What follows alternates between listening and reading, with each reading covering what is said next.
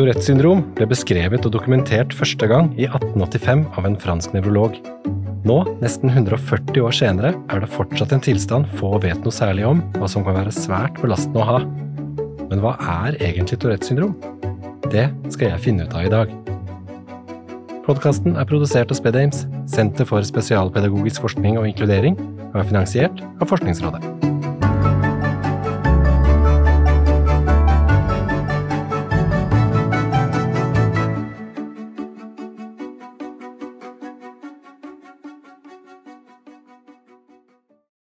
Jeg var eh, sju år gammel, så var jeg veldig urolig, og jeg hadde mye grimaser og, og lyder som jeg ikke visste hva var.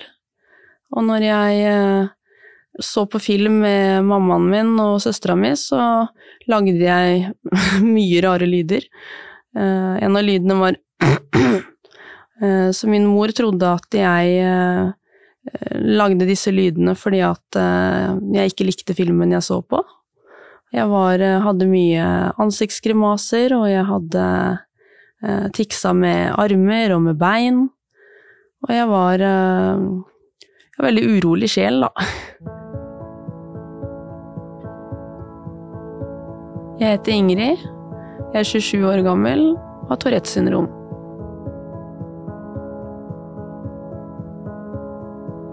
Det å ha Tourettes, det føles ut som at uh, hvis du sitter på bussen da, og må tisse, eksempel, så, eh, så må du jo tisse.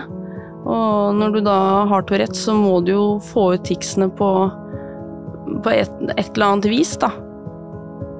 Hvis jeg har ansiktsgrimaser, så kan det jo hende at jeg kan ta det ut på at jeg rister litt på beinet, eller eh, blunker med øynene, eller Men når jeg da kommer hjem, så må jeg jo tikse de ticsene jeg ikke har fått gjort på, på bussen. Veldig mange tror jo at man kan trene vekk triksene sine, eh, og at man Hvis man da får tiksa på en annen måte, så, eh, så trenger man ikke å få utløp for de ticsene.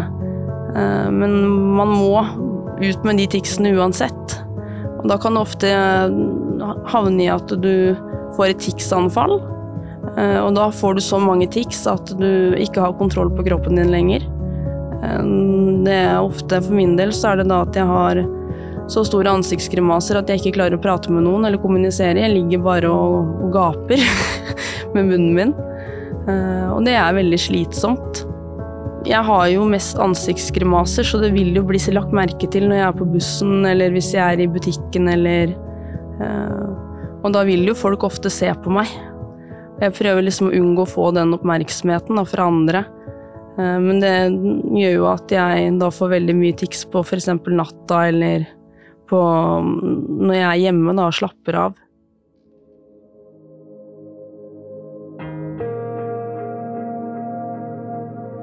Jeg begynte jo på, på skolen da jeg var seks år.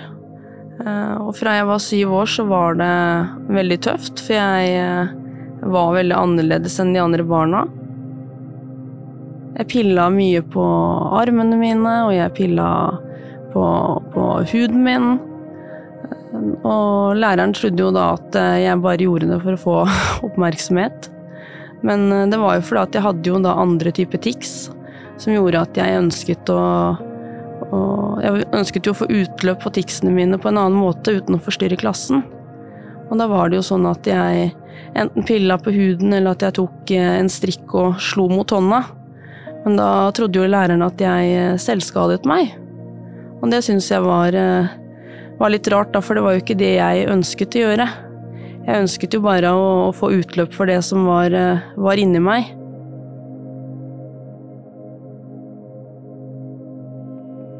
Jeg hadde jo mange venner på skolen en periode, men eh, så begynte jeg å bli veldig mye.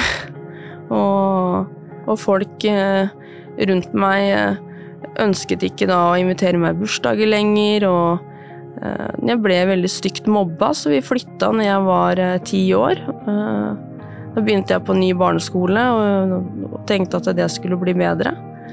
Men da også ble jeg mobba.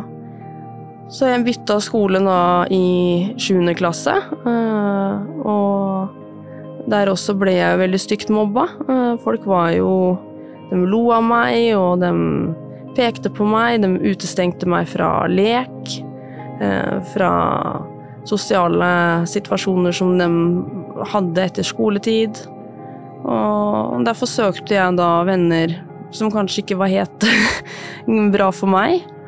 Og, og når Facebook kom, så lagde de eh, en gruppe om meg på Facebook om at de ønsket at jeg skulle gå og ta livet mitt. Eh, og da tok jeg det opp med, med, skolen, og da sa skolen at det var ikke en skolesak, for det var gjort utenom skolen.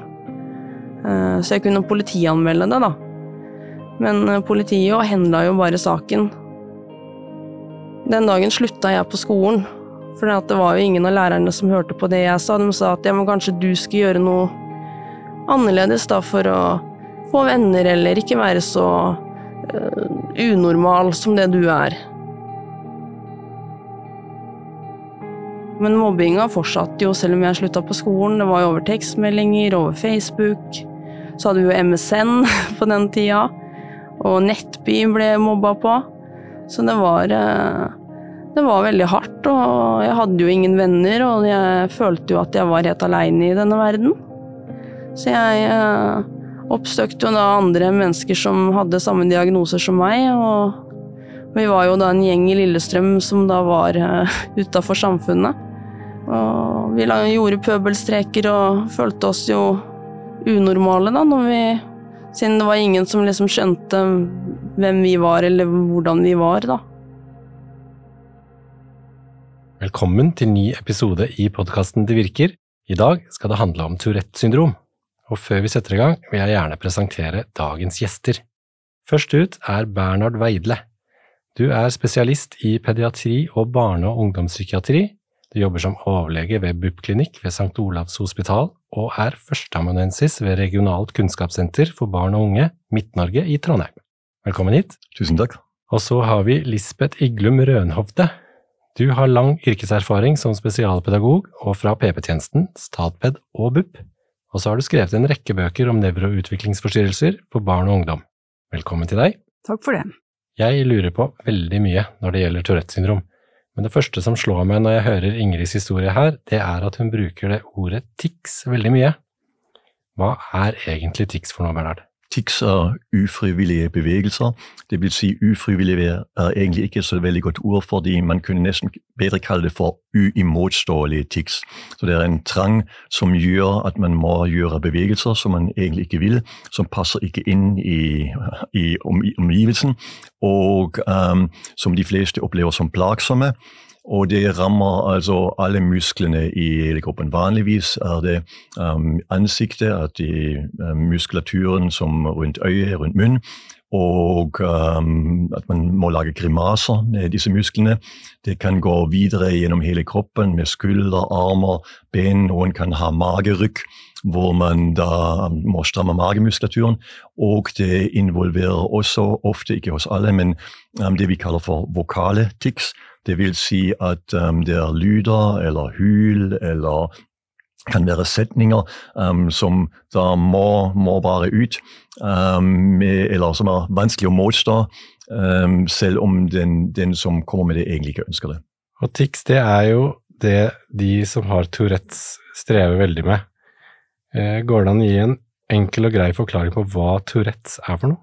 Tourettes syndrom er definert at man har begge deler, både altså de um, motoriske tics og de um, ticsene som rammer um, hals og hode og nese, altså husthyl, um, renser hodet, uh, renser um, struper hodet, renser halsen, og ikke blir ferdig med dette her. Det er altså ting som vi alle gjør innimellom, men hvis det blir på en måte sånn at uh, fortsetter og fortsetter og fortsetter, at folk blir oppmerksom mm, litt for mye av, av det gode, da snakker vi om um, tics. Og hvis man har altså både motoriske og vokale, da er det definisjonen for Tourettes syndrom. Og det er gjerne, starter gjerne med enkle um, tics, som er mer korte innskytende, og så kan de bli mer kompleks. At det er Um, man må um, kanskje rydde litt, flytte litt på ting. Jeg har hatt en, uh, barn, et barn i behandling som når den så en saks, så måtte den liksom gå og klippe i, i gardinen til mamma.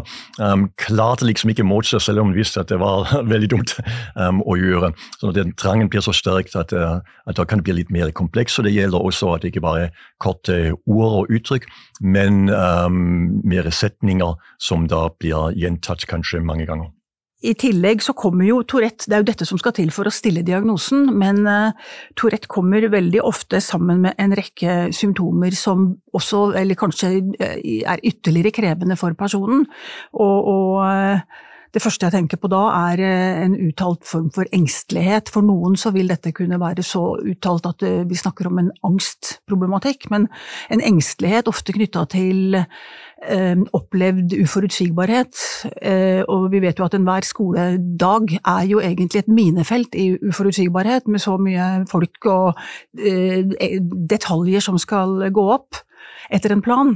Så alt som avviker fra en plan vil jo oppleves som veldig ubehagelig og stressende for veldig mange med Tourette, og man vil også kunne Altså engsteligheten for at dette kan skje igjen, ikke sant, vil jo også gjøre at mange plages veldig med Eh, jeg tror en del skolevegringsatferd hos personer med Tourette ligger i akkurat det landet her, altså for, for mange, da. Men når dere hører det Ingrid forteller, hva tenker dere da, er det en typisk historie fra en som vokser opp med Tourettes? Ja, jeg vil jo si det. Det er jo, eh, det er jo egentlig en veldig typisk historie. Hun sier at hun strever mye, hun sier at eh, hun Eller vi hører jo at hun har og har hatt åpenbare tics som omgivelsene ikke har forstått som tics. Eh, det har tatt lang tid å få diagnosen, hun har en tilliggende ADHD-problematikk, så det er, jo, det er, jo, et bilde vi har hørt før. Jeg vil kanskje legge til at Um, jeg er enig i at det er en, kanskje ikke en, en, helt utypisk historie, men det er ikke en sånn historie som vi ønsker at det skal være. Vi arbeider for at kompetansen blir større, og jeg tror også det har blitt. Man har faktisk en god undersøkelse. Folkehelseinstituttet har undersøkt forekomst basert på opplysninger i Norsk pasientregister, og da har man sett at det er store forskjeller fra fylke til fylke. Fra nesten ingen forekomst i Oslo til 0,8 um, i Trøndelag og tror jeg 1,3 i en av Agder-fylkene.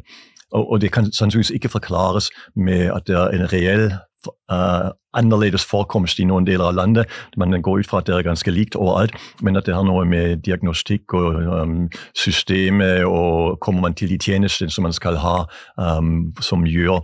Og Da er ja, Ingrid et veldig godt eksempel på hvor det kanskje ikke skal være. Vi hadde ønsket at hun hadde fått den diagnosen tidlig, at hun hadde skjønt hva det er for noe, som hun beskriver selv veldig godt, hvor viktig det er for henne.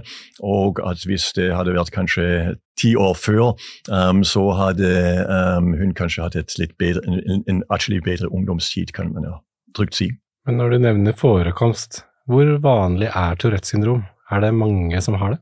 Den beste vitenskapelige undersøkelsen begynner å bli en del år gamle, men um, den, uh, da har de sett sammen på, satt sammen undersøkelser fra hele verden. Stort sett USA og Vest-Europa. Ikke så veldig mange undersøkelser fra andre deler av verden. De har begynt å komme nå, ganske mye. Men den, de kom ut med at i en ungdomspopulasjon da er det 0,77 av en um, altså barne- og ungdomsbefolkning som har um, Tourette. Så, sånn altså grovt 1% og i Norge ligger man totalt sett under, men som sagt med store um, variasjoner fra fylke til fylke. Hvordan er det dette kommer til syne? Ja, altså det som kommer til syne, det oppfattes jo ofte som noe annet. Så, så det er jo et spørsmål om ja, kommer det til syne? Um, ofte så vil jo uh, omgivelsene oppfatte dette som, uh, ja, sånn som i, i Ingrids tilfelle, som noe helt annet, altså som selvskading eller at hun ikke likte filmen eller hva det var.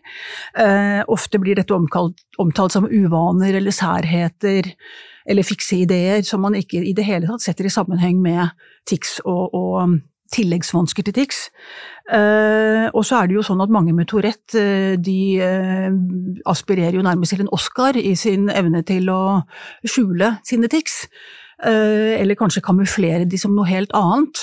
Det er jo sånn at et, altså et, et tics, sammensatte tics, nakkesleng, ofte det, i internasjonal litteratur så går jo det under betegnelsen 'håret ut av øya'-tikk, bare for å sette i, i perspektiv hvordan man later som man, man, legger til noen andre bevegelser, eller legger til noen bevegelser hvis man har et vokalt tikk som man syns er litt flaut. Jeg husker en elev jeg jobba med da jeg jobba i PPT. Han, eh, han hadde noe sånn kyllinghyl, eller sånn hønsehyl, og hver gang det kom, så gjorde han flaksebevegelser med armene, men det var ikke motoriske tics, det var for å fake at han dreiv og tulla i timer og friminutt.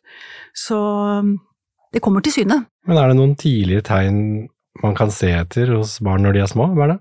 Ja, veldig fint at du spør. fordi um, egentlig så uh, Vi er kanskje ikke så opp, veldig opptatt av å lete etter tidlige tegn, fordi det er kanskje um, en, en, rundt omkring 20 av um, barn som har forbigående tics. Av dem er det en gruppe som har en, noen ansiktstikk, litt grimaser, litt blunking, um, og det varer en kort tid, og så er det over. Så vi ønsker på en måte ikke at nå må det settes på blålys, og, men, um, det som amerikanere kaller for watchful waiting, um, se litt an hvordan dette her blir uh, oftest den aller beste medisin. Men når det er sagt, så ønsker vi selvfølgelig ikke å få inn uh, det sånn som Ingrids historie. Vi ønsker at man, man treffer på kompetente utredere som vet hva Tourette er, og um, gir um, forklaringene som vedkommende trenger, som lurer på hva som er gærent med meg. Hvorfor gjør jeg dette her? Jeg vil jo egentlig ikke, allikevel må jeg gjøre dette her. Noen lurer på holder på å bli tørner jeg, eller hva er det?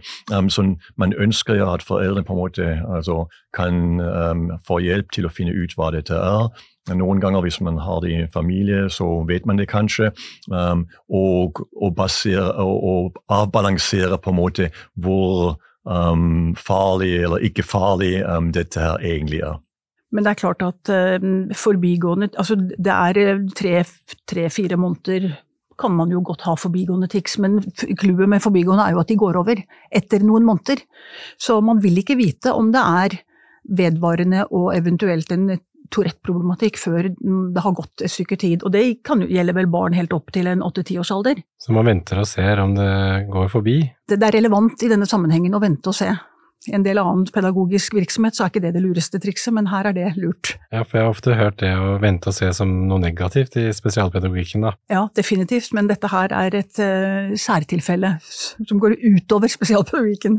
Men er Tourettes arvelig? Ja, det er arvelig på samme måten som vi eh, oppfatter eh, ADHD som arvelig, dysleksi som arvelig.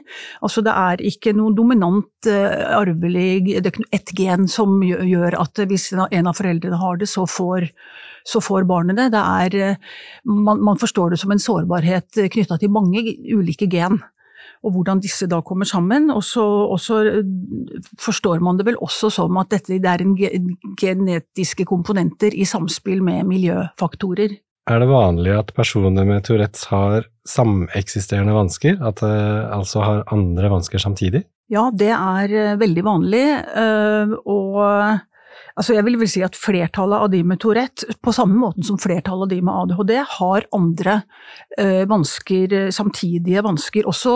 Og vansker er jo et bredt begrep, men også andre diagnoser. Ved, ved Tourette så er det særlig ADHD som en god nummer én, og tvangsproblematikk. Tvang som diagnose OCD, eh, som kanskje er de to hyppigst forekommende sameksisterende eller ledsagende tilstandene. Og i tillegg så har man jo en del noen som har eh, ekstreme sinneutfordringer, altså impulskontroll-sinneutfordringer. Eh, og som jeg nevnte, dette med angst, engstelighet og en rekke andre forhold. Og så er det jo for så vidt forskningsbelagt at personer med, med Tourette har, strever mer enn kontrollgrupper med, med visumotorisk integrering, altså øye-hånd-koordinasjon og sånne ting. Og jeg har også lest et sted at man har sett at de har dårligere testutføring med dominant hånd enn kontrollgrupper. Og begge deler tror jeg kan kaste lys over den problematikken man ofte ser i skolen, at det blir vegring og spetakkel rundt dette med å skrive særlig for hånd men eh, også på tastatur for enkelte, faktisk. Det, det, som kanskje er konsekvensen av alt dette, er, i og med at vi vet at nesten 80 har tilleggsproblemer, at hvis man stiller diagnosen Tourette, så skal man sjekke ut om man hører blant de 20 som ikke har det, eller om det er noen andre ting um, av den um, smørbrødlysten som Lisbeth har nevnt, um, tvangslidelse, ADHD, som kanskje kan gå under radaren og blir oversett fordi man tenker det er Tourette, som kan forklare urolighet og fikling, uh, at man ikke ser ADHD-en eller som gjør at man er kanskje litt mer tvangspreget og har litt sånn ritualer som da kan gå under radaren. og Det vil være dumt, fordi man trenger da også behandling for eller kanskje mer behandling for den, for den tilleggsdelen enn for selve ticsene. Du nevnte jo litt om utredning nå. Hvordan utreder man personer med Tourettes? Altså det aller viktigste er jo en god anamnese. At man setter seg ned sammen med Som, som regel er det best med, med, de unge det gjelder, og kanskje med noen av foreldrene. Um, hvor man går gjennom hva egentlig tics hva, og finner ut hva, hvorfor må du gjøre dette her. Um, som det var sagt tidligere, der, det er bare en uvane slutt med dette her. Det, det funker ikke. Det er en nevrologisk uh, eller utviklingsforstyrrelse, en nevrologisk lidelse.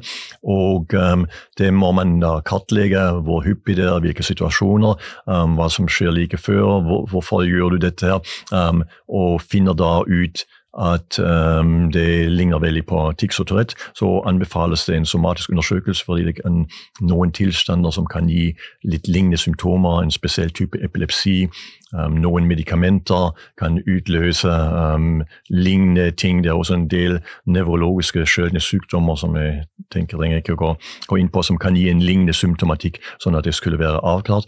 Men um, når det er sagt, så er på en måte altså den beskrivelsen fra omgivelsen er, um, er, det vi stoler på. Og i dag er det enkelt, uh, fordi veldig ofte kommer foreldrene kanskje de har tatt det opp på uh, en, en videosnutt, så hvis man er i tvil, så kan man um, se på det i tillegg. Da settes diagnosen basert på antall og type tics? Diagnosekriteriet er at du skal ha det altså flere, altså ikke bare en kort periode, um, um, over, over, tid. Egentlig Strengt tatt kan man ikke sette diagnosen til rett før det har gått et år, eller før man har, foreldre forteller at de har, de har begynt ja, um, i, typisk i forskolealder. Kan være enda, enda yngre, en, en, man kan være enda yngre. Sjelden etter, etter 8-9-10 års alder Um, og da det er nok til på en måte å Um, altså Vi trenger ikke å vente et år, um, men vi baserer oss på de opplysningene som, som kommer. Og um, så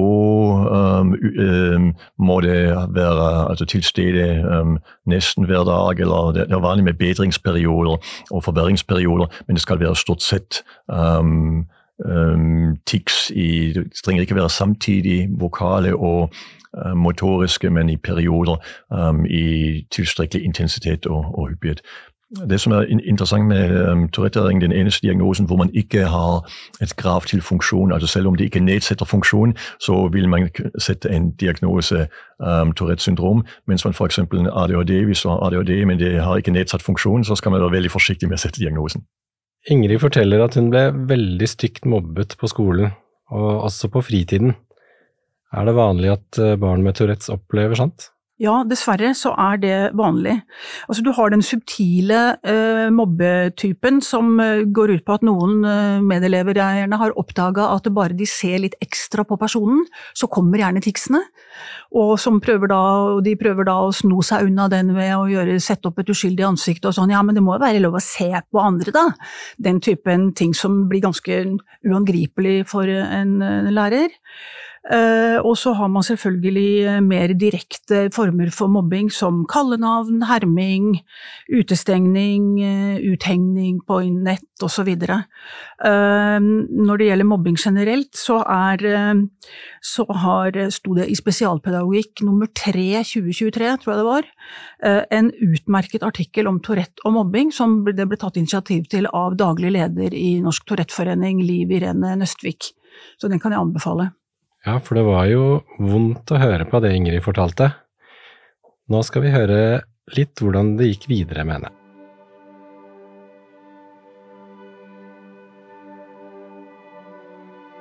Jeg gikk gjennom alle disse årene uten å vite at jeg hadde Tourettes, eh, så det var eh, veldig tungt.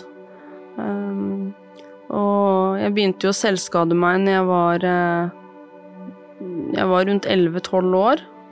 Eh, og jeg var jo da i BUP eh, og ble behandla der frem til jeg da var 15. Og når jeg var 15 år, så fikk jeg da henvisning fra BUP og barnevernstjenesten eh, til Larkollen ungdomspsykiatriske behandlingshjem, og det var et veldig fint sted for meg å være. Eh, selv om jeg da som ungdom ikke syns det, så ser jeg det i voksen alder at det var eh, et perfekt sted for meg å være. Eh, og når jeg kom dit, da fikk jeg endelig alle Da falt alle brikkene på plass, for da sa gikk jeg inn til psykologen, og så så hun på meg og så sier at du har Tourettes og du har ADHD, og vi starter opp med medisiner neste uke. Jeg hadde lest to sider av papirene mine, og da Hun hadde ikke tenkt å lese mer enn det, for hun skjønte det på første side at uh, her er det jo Tourettes, og her er det ADHD. så hun var helt topp. Hun, om hun var psykolog eller psykiater, men uh, hun så meg med en gang. Når jeg fant ut at jeg hadde Tourettes, uh, så fikk jeg en ro inni meg. Jeg skjønte at eh, det var ikke meg det var noe gærent med. For alle hadde jo sagt at eh, det var noe gærent med meg, og at jeg var eh, et forferdelig menneske, var det jeg hadde følt, da, at de syntes jeg var. Så jeg ble jo mer rolig, og jeg leste mye faktabøker om Tourettes syndrom, og, og, hvordan jeg liksom kunne trene på å få utløp for ticsene mine på andre vis. og og det var eh, Jeg tror hele familien syntes det var bra at jeg fikk diagnosen, for da kunne jeg få mer eh, hjelp da, av dem rundt meg. Eh, så jeg fikk, hun ble veldig glad når jeg fikk diagnosene, for da skjønte jeg at det var ikke meg det var noe gærent med. Det var jo bare sånn jeg var født. Og da kunne jeg endelig få den hjelpen jeg trengte av helsevesenet, da. Jeg takker egentlig Larkollen ungdomspsykiatriske behandlingshjem for at de finnes. Jeg vet jo at det er mange ungdommer som sikkert er der nå i dag og kanskje ikke trives på det stedet, men når du blir voksen, så vil du se at det er en av de beste stedene man kan finne her i Norge, syns jeg, da. Nå er det ti år siden jeg ble skrevet ut fra Larkollen, eh, og det går veldig bra. Jeg har eh, møtt en, eh, jeg møtte en mann i 2018, og vi har fått tre barn og skal ha nummer fire. Og jeg går på voksenopplæringa på Kongsvinger og skal utdanne meg til å bli helsefagarbeider. Uh, og forhåpentligvis snart starte med førerkortet, for jeg bor såpass kronglete til at det går ikke noe buss. Tourettesen i, i dag er Jeg har en del ansiktsgrimaser, jeg har heldigvis ikke noen lyder lenger. Eh, for det hadde jeg masse av når jeg var barn og tenåring. Og når jeg reiser hjem herfra i dag, så tenker jeg at jeg kommer til å ha en del tics. Eh, fordi at jeg er veldig flink til å holde tilbake ticsene mine når jeg er ute blant andre mennesker.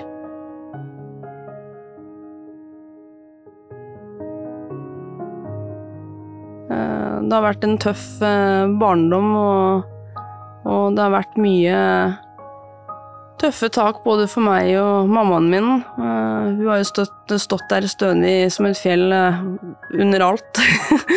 uh, men det trenger ikke å gå dårlig selv om man har hatt det tøft da, både i barndommen og i ungdomstida. Man kan gjøre det bra. Det er aldri for seint å, å, få hjelp, og, og, det å ta imot hjelp er veldig viktig. For man klarer ikke alt aleine.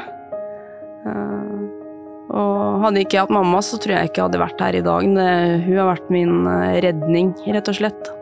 Fordi hun har vært med på alle møter, og hun har sykemeldt seg fra jobben, og, og, det er liksom grunnlaget til at jeg uh, har fått bli mamma sjøl, og forhåpentligvis kan gifte meg med mannen jeg er så glad i, og, og få være mamma da, til mine tre flotte barn. Som vi hørte her, så går det jo ganske bra med Ingrid. Vet vi noe om hvordan det generelt går i livet med de som vokser opp med Tourettes syndrom, eh, Bernhard? Ja, det vet vi en god del. Det har vært en uh, rekke forskningsprosjekter, også prospektiv. Um, og man kan si sånn um, generelt og litt, litt grovt at um, hos 30 så um, forsvinner ticsene helt til de blir 18. Da har det bare vært en barnesykdom. De modner ut av dette her, og de er helt borte. Og så har vi en tredjedel som går altså grovt, da, um, som tar de med videre, men uh, i voksent liv, men i en relativt mild form. Hvor de, de, vet om dette her, de vet at de må tilpasse seg, de har kanskje lært å håndtere dette her. omgivelsen vet om dette her, at de kan håndtere det sånn relativt greit. litt sånn som Ingrid um, beskriver. Uh, og så har vi en uh, tredjedel som tar det med uh, full styrke inn i voksenliv. Og da er det gjerne um, også veldig mye tilleggsproblematikk. Også på den gruppen som um, har lett milde tics som, som, voksen, kan det hende, eller ser man at de tilleggsproblematikken, hvis ikke den blir behandlet, at den vedvarer kanskje i større grad enn en selve ticsene. Så det de trenger definitivt behandling. Hva slags tilleggsproblematikk er det du tenker på da? Jeg tenker på ADHD, jeg tenker på tvangslidelse. Hvis ikke det blir behandlet og, og håndtert, så um, er det større sjanse å, å, ta, å, ta, det med videre. Ingrid gikk veldig lenge, mange år, uten diagnose eller behandling. Er det vanlig, Elisabeth? Ja, det er dessverre vanlig, særlig for jenter, eh, som eh, blir oppdaga seinere, både når det gjelder Tourette, eh, for så vidt også ADHD, ikke minst autisme, eh, Asperger, eller høytfungerende autisme. Og som eh, Bernhard nevnte eh, tidligere her, så, så, er det jo store forskjeller landet over når det gjelder eh, forekomsttallene, som vi jo kan utlede da til hvor gode er man til å foreta utredninger. Hvis vi tenker at, et, at populasjonen er spredt jevnt over landet, så, så, må det jo være noe med de som finner eller ikke finner. Så det er ulik, eh, eller stor variasjon på, på, de stedene som utreder. Og kanskje også at det ikke bare er stedene, du nevnte byer og, og, og fylker eh, her i stad, eh, Bernhard, men det kan jo også være, når jeg blir ekstra bekymra og litt sånn motløs, så tenker jeg at det også er personavhengig. Altså hvis eksperten har gått av med pensjon, fortsetter det stedet å ligge godt an, eller vil dette være variasjoner helt ned på det nivået? Det, det har vi ikke forskning på, men vi kan jo tenke oss dette. Du har jo skrevet en bok du, om ADHD og Tourettes syndrom som heter Kan de ikke bare ta seg sammen? Hva er svaret på det, Lisbeth? altså For det første så er det ikke et spørsmål, det er et hjertesukk. Uh, og, men det korte svaret, da, hvis du først vil sette spørsmålstegn bak, så er det korte svaret nei. Kan, man kan ikke bare ta seg sammen. I hvert fall ikke med ADHD og Tourette samtidig, vil jeg, vil jeg tro. For uh, samtidig så har en god del av de med Tourette effekt av systematisk og strukturert trening. Uh, av, av å tåle å stå i de, det ubehaget som, som kanskje kommer for, forut for TIX. Um, og et systematisk og strukturert eh, treningsprogram, det er jo da ikke det samme som å bli bedt om å ta seg sammen. For det er en ja, det, det, kan i verste fall være en trigger til det motsatte, og det vil i hvert fall være en Hver gang du får høre at du må ta deg sammen, eller du hører navnet ditt over hodet på alle de andre i klasserommet, så vil det være nok en, en nederlagsopplevelse som du tar med deg videre. Når man har satt diagnosen Tourettes, hvordan behandler man det, Bernhard? Er det egne medisiner, eller er det andre behandlinger som er uh, viktigere? Det aller viktigste det er egentlig å, å vite hva dette er for noe. Vi snakket litt om dette her når du ikke vet hva dette er. Da har du mer sånn utlevert um, en, egentlig dine egne tanker og omgivelsen som uh, Hvorfor gjør du så mye rare ting? Er du rar? Hva betyr dette? Hvorfor gjør du dette? Og hvis man ikke vet noen ting om Tourettes syndrom, så blir det kanskje uvane og litt sånn ta deg sammen. Um, og veldig mange sånne um, urealistiske forslag hva man skal gjøre med dette. Eller du blir betraktet som raring som gjør dette. her. Og det verste med dette at du går inn selv også når du ikke vet om dette, så kan du på en måte finne på en forklaring. Jeg har hatt en, en gutt som var um, ganske mye sint, og han, han måtte um, komme ut med skjellsord. Og, um, og når han på en måte blir spurt om dette, så hadde han ikke, ikke anelse om Tourette. Og så gikk han på en måte sånn til flukt forover. Um, og jeg mener, altså, Frøken er jo sånn idiot, jeg måtte bare kjefte på henne. Og da blir det en sånn identitet, og spesielt hos de vi har ikke snakket om men kanskje 10-30 med Tourette, de har også uh, en opplevelse at det blir vanskelig å kontrollere emosjoner, spesielt sinne, hvor de da ikke på en måte en sånn overlagt De vil egentlig ikke være slem, men um, det, det, på en måte svartner, og så kommer det en eksplosjon ut av dette. her. Og så spiller det stor rolle hva, hva en selv og omgivelsen gjør med dette. her.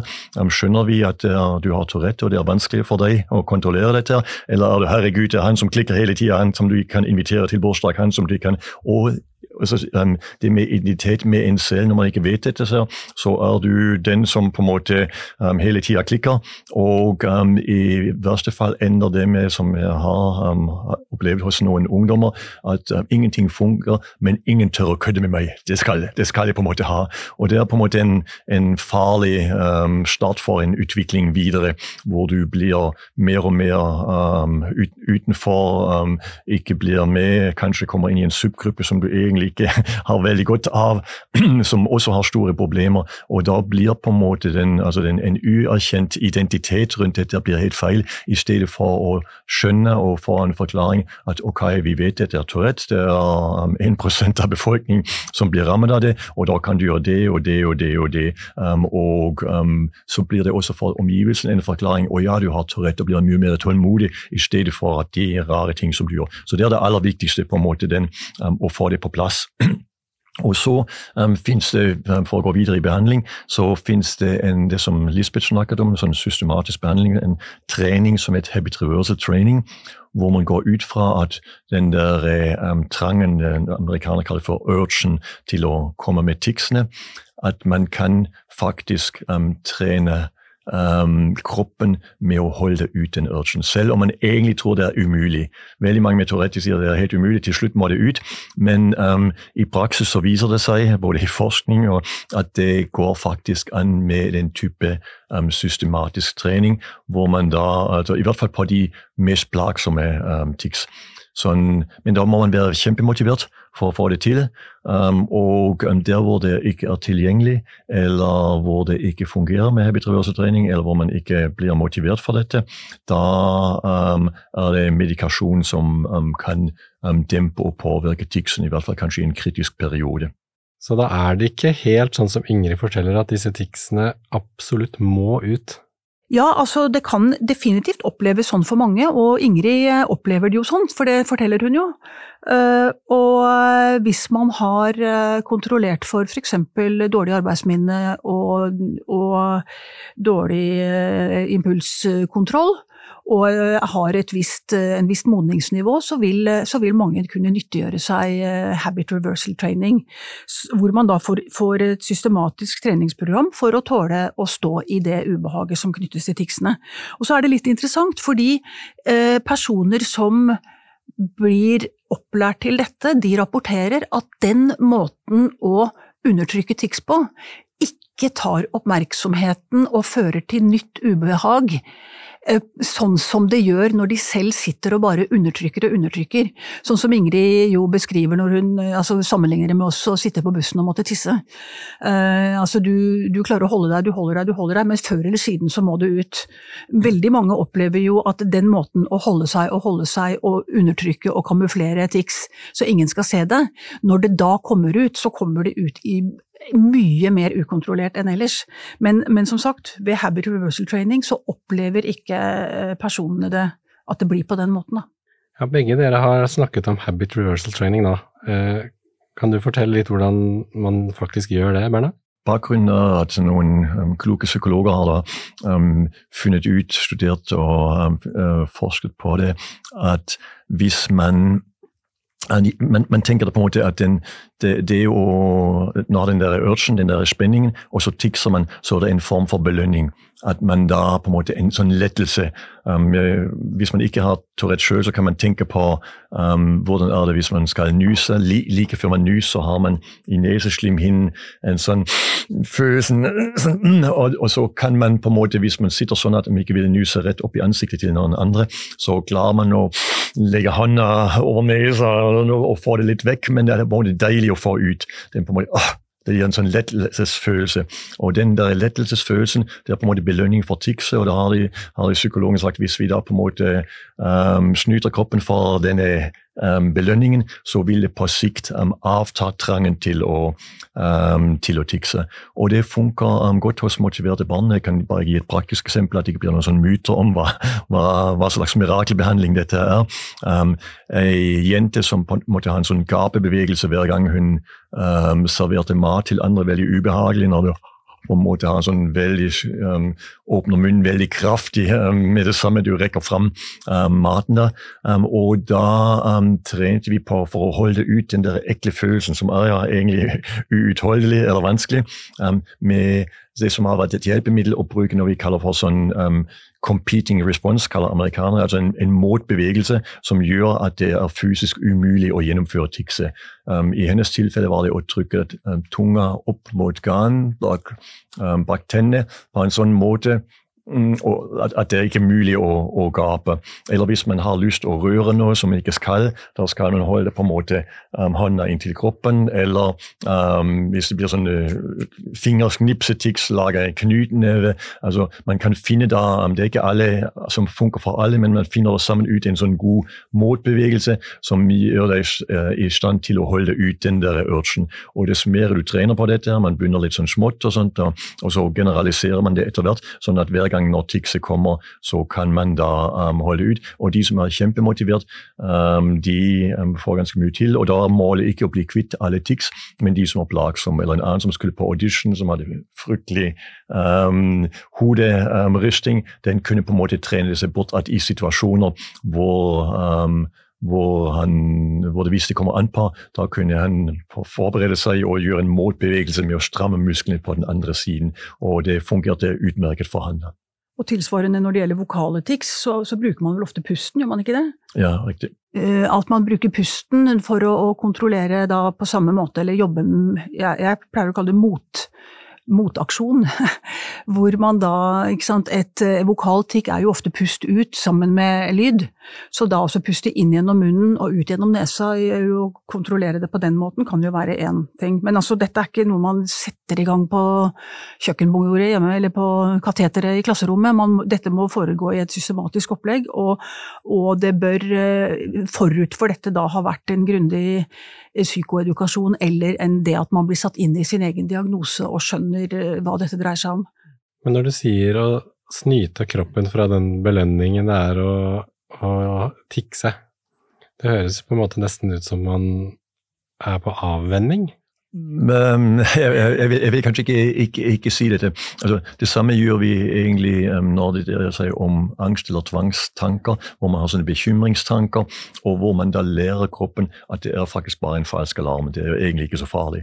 Så du, du fyller egentlig med en ny lærdom at um, du tror det går ikke an å holde ut den. Det er altså helt uutholdelig, men um, du kommer ikke til å eksplodere. Eller test, test ut. Um, det går faktisk, og dess mer du gjør, um, så blir det faktisk lettere um, lettere og lettere. Men jeg er helt enig med Lisbeth, vi vil liksom ikke tilbake til, um, til den tiden at det er din, din, din, skyld. Det er fortsatt en nevrologisk lidelse. Tics er utløst av uh, den nevrologiske um, svakheten. og det er ikke sånn at du bare du hadde gjort nok habit reversal, så hadde du ikke tics. Det er vanskelig, og jeg har også til og med lege kompiser med Tourette som um, syns det er vanskelig. Mens andre de har, de har nesten alt borte. De har hatt veldig kjempenytte av den behandling og andre um, de syns dette er vanskelig å, å gjennomføre. Berna har jo nevnt eh, på en måte omgivelsene rundt de som har Tourettes. Eh, så hvordan bør og skal skolen og kanskje også barnehagen møte de barna som har mye tics, Lisbeth? Ja, nå har vi jo allerede etablert at uh, over 20% i hvert fall drøyt 20 av uh, alle småbarn uh, har forbigående tics i perioder. Så i barnehage og også småskolealder så bør vel kanskje bør det dreie seg om å registrere og se det an. Og det er veldig lurt å registrere, fordi kommer man fortsetter dette, og det vet man jo ikke på forhånd, fortsetter dette så vil et av de første spørsmålene i barne- og ungdomspsykiatrien være når så man de første ticsene? Så det er eh, viktig at man registrerer. Ehm, og for øvrig så tenker jeg at eh, den viktigste må være, altså hvis vi da snakker om skolen, det er at man vet nok til å kjenne igjen symptomene altså til at man skjønner at dette er eller kan være tics. Uh, videre, så, sånn erfaringsbasert fra mine ulike arbeidsplasser, så vil jeg si at skoler, rektorer kanskje særlig, uh, evne til å lytte til foresatte er veldig viktig. Uh, jeg husker en tidligere Han har vel gått av med pensjon, Paul Signer. Han lanserte en ny bokstavkode. Det var jo så mye om ADHD og Tourette TS, og, så han sa HPM, eh, det burde alle fagfolk eh, i hjelpeapparatene merke seg. Hør på mor. Eh, fordi det er en jeg, visst, jeg, jeg, har ikke tall på hvor mange ganger jeg har stått i det utfordringsbildet hvor skole og hjem snakker helt forbi hverandre og har en dyp mistillit til hverandres forståelse av situasjonen. Fordi, og det er jo litt Tourettens natur, altså barnet gjør så godt den kan og er veldig flink på det, å undertrykke tics i skoletida, med det resultat at man kommer hjem og tikser som man omtrent ikke klarer å gå over gulvet eller sitte på en stol.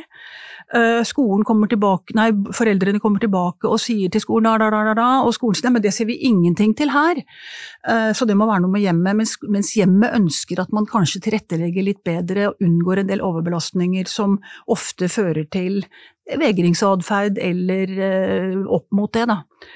At man må gjøre ting på skolen selv om man ikke ser problemet der. Så det er det nærme å forstå hverandre og ha tillit til hverandre, og at man egentlig begge parter vil ønsker det beste for dette barnet.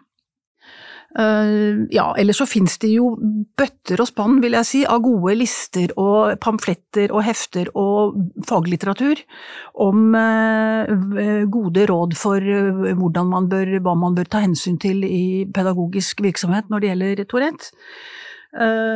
ja, du nevnte Kan det ikke bare ta seg sammen? Norsk Touretteforening har jo også veldig mye bra brosjyremateriell. Ehm, og ja, som jeg sa, det med at skolen må skjønne at dette er et problem selv om de ikke nødvendigvis har sett det, det tror jeg er veldig viktig. Og akkurat i den sammenheng så vil jeg bare lese noen veldig få linjer her, som er skrevet av Alma på åtte år. Som av skolen ble oppfattet som ei introvert jente som avviste eh, medelevene. Og eh, Almas historie, hun hadde ikke fått noen diagnose, men hun hadde da definitivt tics. Historien heter Tix. Jeg blir veldig sliten, og jeg er redd om noen skal erte meg, og jeg får ikke fulgt med i timene, og da jeg blir sliten vil jeg ikke leke, og da jeg blir sliten blir jeg også trøtt, og det blir vanskelig å puste. Og det er en som eh, kanskje holder det litt tilbake på skolen, da, eller? Hun, eh, etter hvert som diagnosen ble satt, og hun, fikk, eh, hun og foreldrene fikk psykoedukasjon, og skolen fikk kurs om ADHD og Tourette, så kom det plutselig tics på skolen. For da våget hun seg på å vise dette. Og da forsvant den slitenheten i, og vanskelig for å puste osv. Så, videre. så uh, hun var nok litt for ung for habit reversal training, selv om det ble forsøkt. Og det er også noe man må legge inn der, at man må, at man må passe seg for at barnet ikke er for ungt eller umotivert til å kunne stå i det, så ikke det blir nok et nederlag. Er det noe de absolutt ikke burde gjøre, da? Ja, alt annet som jeg vil ikke ha sagt, men um, um, von spøk til side. Um, veldig mange barn og unge de sier dess mer man legger oppmerksomhet på det, dessverre blir det for meg å, å holde ut. Så selv om læreren er veldig velmenende, ikke sant? Og, um, jeg kan si fra til deg når, når det blir så mye forstyrrelse, um, så, får du, så gir jeg deg ting når det skal ut.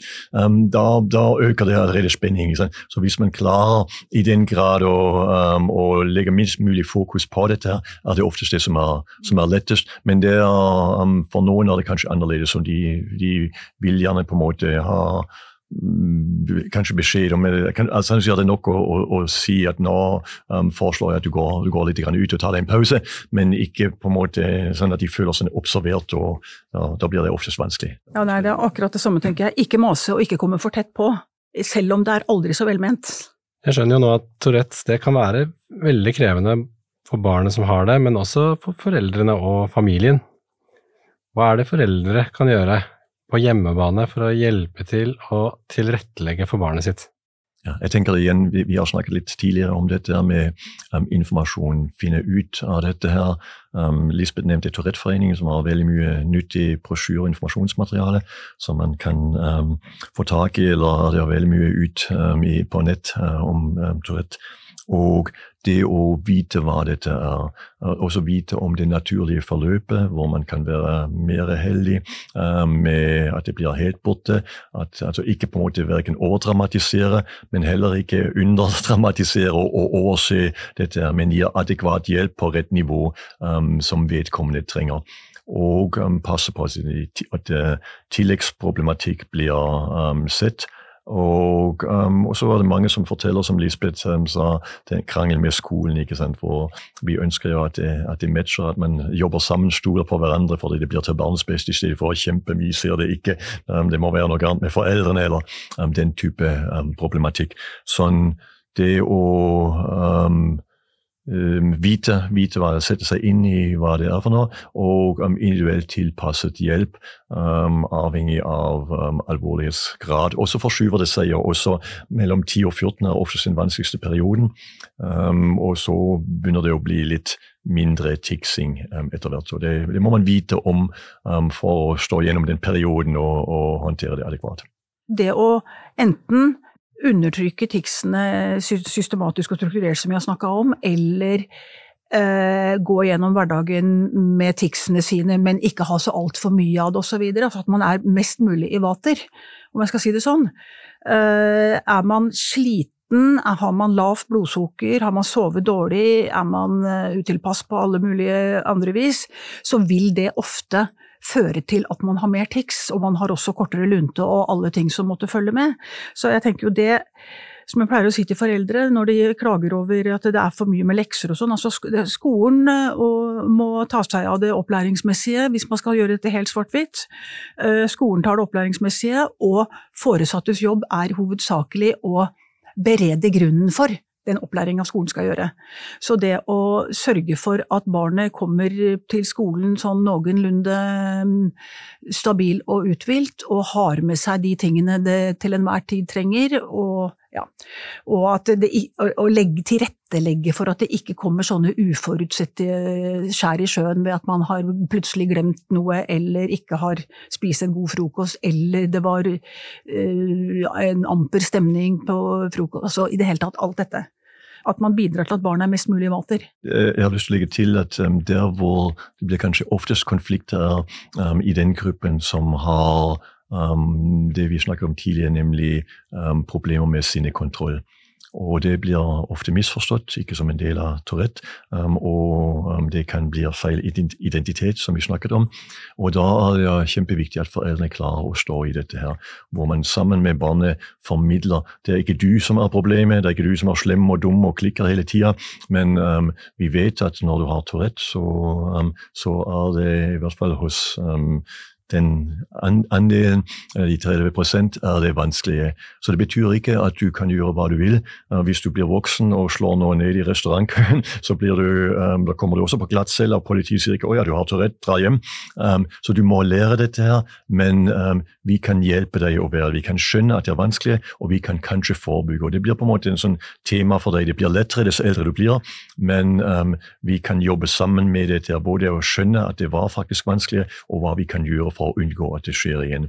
Og det gjør noe med systemet, Det blir veldig mye annerledes um, enn om man ikke vet, og det blir liksom uforutsigbare klikkinger her og der, og alle blir oppbrukt og går i en sånn kamp mot hverandre hvor skolen kan ikke hjelpe, og foreldrene har skylda. um, Det tenker jeg er veldig viktig å ha um, med i en sånn sammenheng. Nå må vi straks runde av, men før vi gjør det, så har jeg et siste spørsmål til dere. Hvis jeg møter en person med mye tics og lyder et eller annet sted. Hvordan bør jeg oppføre meg da? Kanskje eh, på samme måten som hvis du står overfor en som stammer veldig når han prater. Eh, ikke gi det for mye fokus, og gi litt rom, og vente ut situasjonen. Jeg tenker det samme, um, ikke fokusere på mye. Det hender av og til at jeg sitter i trikken og så ser jeg noen som tikser og tenker jeg lurer på vet du om din diagnose, eller vet du jeg håper at du vet om dette her, men um, ellers um, ikke noe grunn til um, overdreven um, oppmerksomhet. I dag har vi snakket om Tourettes syndrom. og gjester i studio har vært Bernhard Veidle og Lisbeth Iglum Rønhovde. Tusen takk for at dere kom, begge to.